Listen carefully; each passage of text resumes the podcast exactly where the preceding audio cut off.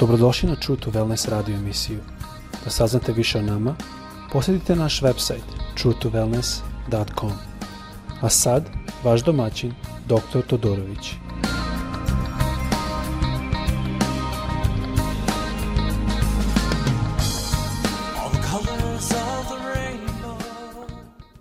Ljubaznim dobrodošli na naš podcast. Pozdravljam vas ovdje iz Srbije, odakle radim ovaj podcast. Želim danas da malo čitamo iz knjige Matije, 13. glava, 24. stih do 30.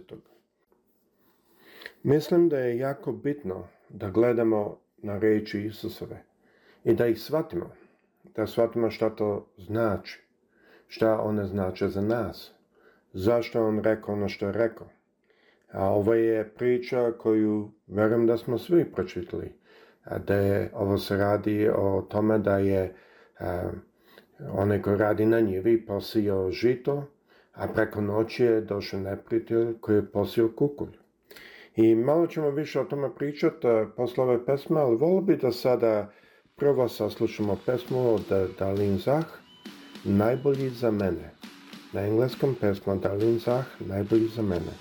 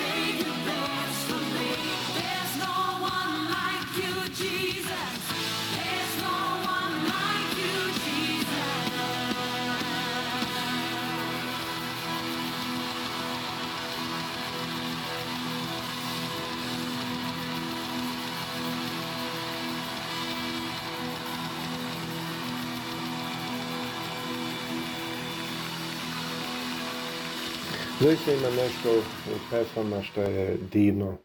Mislim da muzika je jako neophodan deo, slavljenje je isto jako neophodan deo naše službe.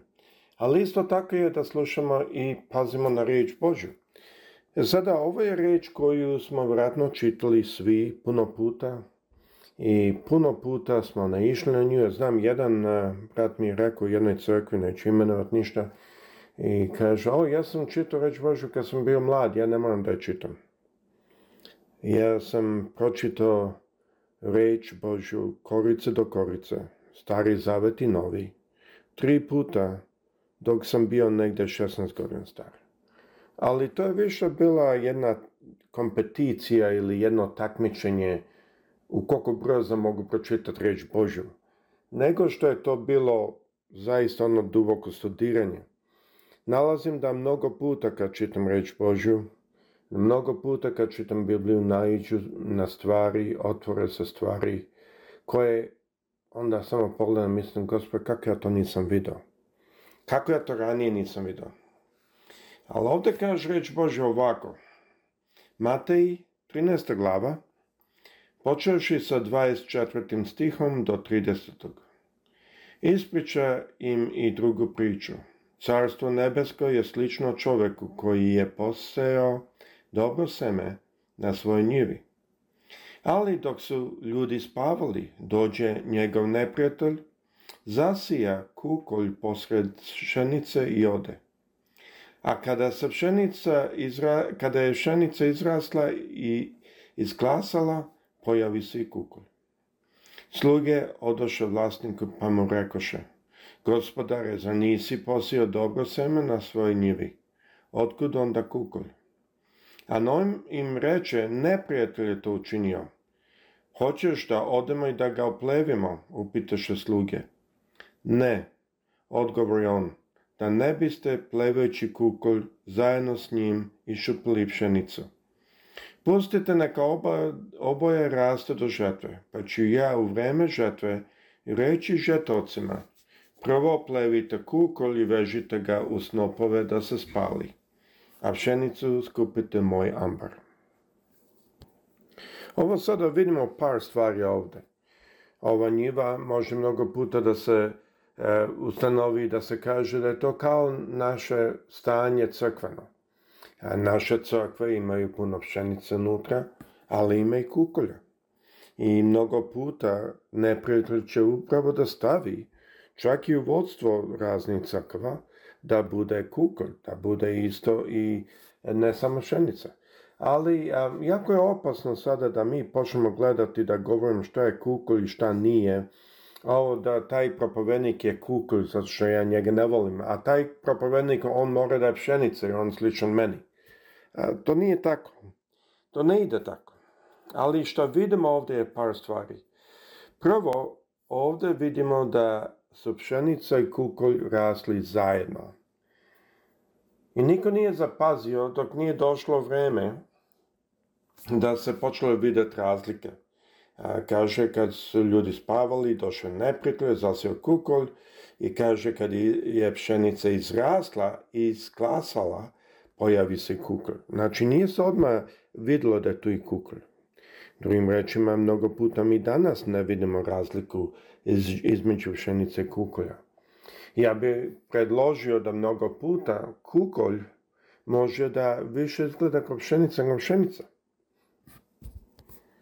Sad, zašto to kažem? Ako gledamo u Mateji, 13. glava 12. stih, znači samo jedno desetak stihova ranije, Isus kaže ovako, jer ko ima, daće mu se još i imat u izoblju, a ko nema, uzet će mu se i ono što ima. E, sada razmislite o tome što je Isus rekao ovdje. E, za jedno pitanje kako može da se uzme od nekog koji nema? Pa zato što on misli da ima. O čemu se ovdje radi? Na drugom mjestu Mateji 5. glava 20. stih Isus kaže ovako Jer kažem vam, ako vaša pravenost ne bude veća od pravenosti učitelja zakona i fariseja, nećete ući u carstvo nebesko. Sada vidimo tu šta taj kukolj može da bude. Taj kukolj može da bude mnogi hrišani koji idu u crkvu, koji su legalisti, koji u efektu imaju pravednost od fariseja i seduseja. Oni žive ispravno, oni daju od desetka u crkvu, oni hodaju kako treba, ali šta je bilo? Zaboravili su veće stvari evanđelja. To čitamo u Mateju 23. glava 23. stih, gdje Isus kaže, teško vama, učitelji zakona i fariseji, licemeri, dajete desetak od nane, mirođe i kima, a zanemarili ste ono što je u zakonu važnije, pravdu, milosrđe i veru. Vidimo tu da su fariseji, eh, ako gledamo sa današnje strane, bili vrlo dobri hrišani, oni sa stra, od, s jedne strane izgledaju kao vrlo dobri jer daju od e, novca u crkvu, predani su. Možda bi takve mi izabrali da služe kao pastori ili pomoćni pastori. To su ljudi koji paze da sve izgledaju fino s polja, a, lepo odeću nose u crkvu. Oni nikad ne bi u crkvi se pojavili a, e, sa lošim odećom. Ja znam, bio sam u Izraelu, vidio sam kako dan danas jako čak pazan da ne taknu nikog, da se ne isprljaju. E, to su sve situacije da vidimo kako se oni na oči izgledali dobro, ali ovdje vidimo po ono što Isus rekao, da su oni u stvari kukli. Jer Isus rekao da ako naša pravda nije veća od njihove, onda mi nećemo ući u Carstvo Tako kad vidimo takve u crkvi, onda znamo da je to kukolje. Sada jedno pitanje. Ja sam našao mnogo puta da sam ja bio takav. Ja sam našao da sam hodao u zakonu. Ja sam našao da sam gledao na spoljašnost i merio sebe kao spoljašnost. I zato Gospod ne dozvoljava da mi merimo ko je ko. I mnogo puta čovjek može da je prosto u jednoj dobroj nameri, želi da je služi Bogu, ali misli da je sve o tome koliko on može činiti. Tajna ovdje je da pšenica je onaj rod što ide ka gospodu direktno. Drugim rečima, to su oni koji ljube gospoda, koji ga služu u veri, u nadi. To su oni koji znaju ono što kaže, bez vere nije moguće ugoditi Bogu. Ne bez dobrih dela, bez vere. U čemu je najviše stvar tu i to se vidi u Rimljanima, to ću drugi put govoriti, na ovom vremena, u Rimljanima, 8. glava, 15. stih, Reč Božja nas uči da moramo postati deca Božja, da budemo usvojeni, ako ćemo tako, od strane gospoda. On to nama svima nudi, njegov sin je već umro za nas, ali mi moramo prihvatiti to.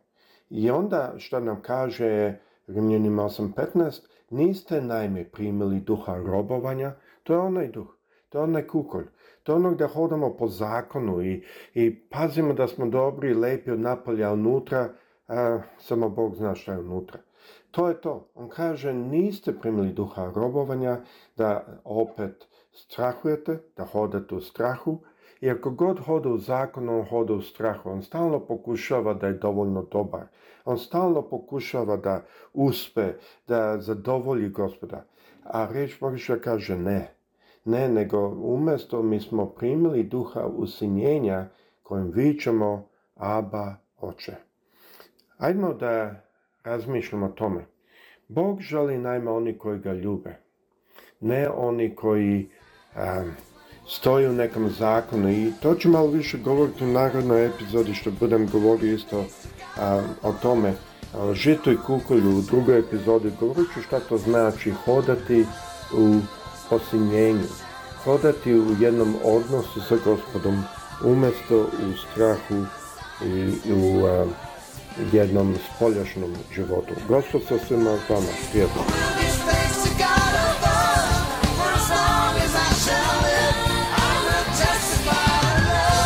Slušajte True to Wellness radio emisiju. Pridružite nam se ponovno. Za kontakt molimo posjetite naš website www.truetowellness.com Naša email adresa je info at